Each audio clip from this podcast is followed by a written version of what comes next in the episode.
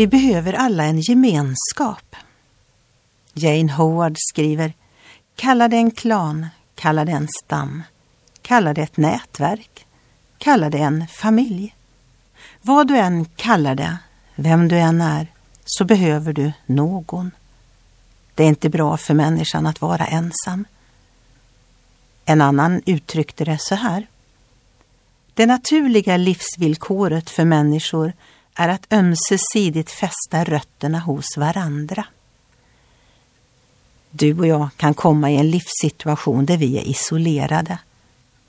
Prova då och ändå söka dig till en kristen gemenskap. Där får du förnyelse och nytt mod. Johannes säger i Bibeln, det vi har sett och hört förkunnar vi för er, för att också ni ska ha gemenskap med oss. Och vår gemenskap är med Fadern och hans son Jesus Kristus.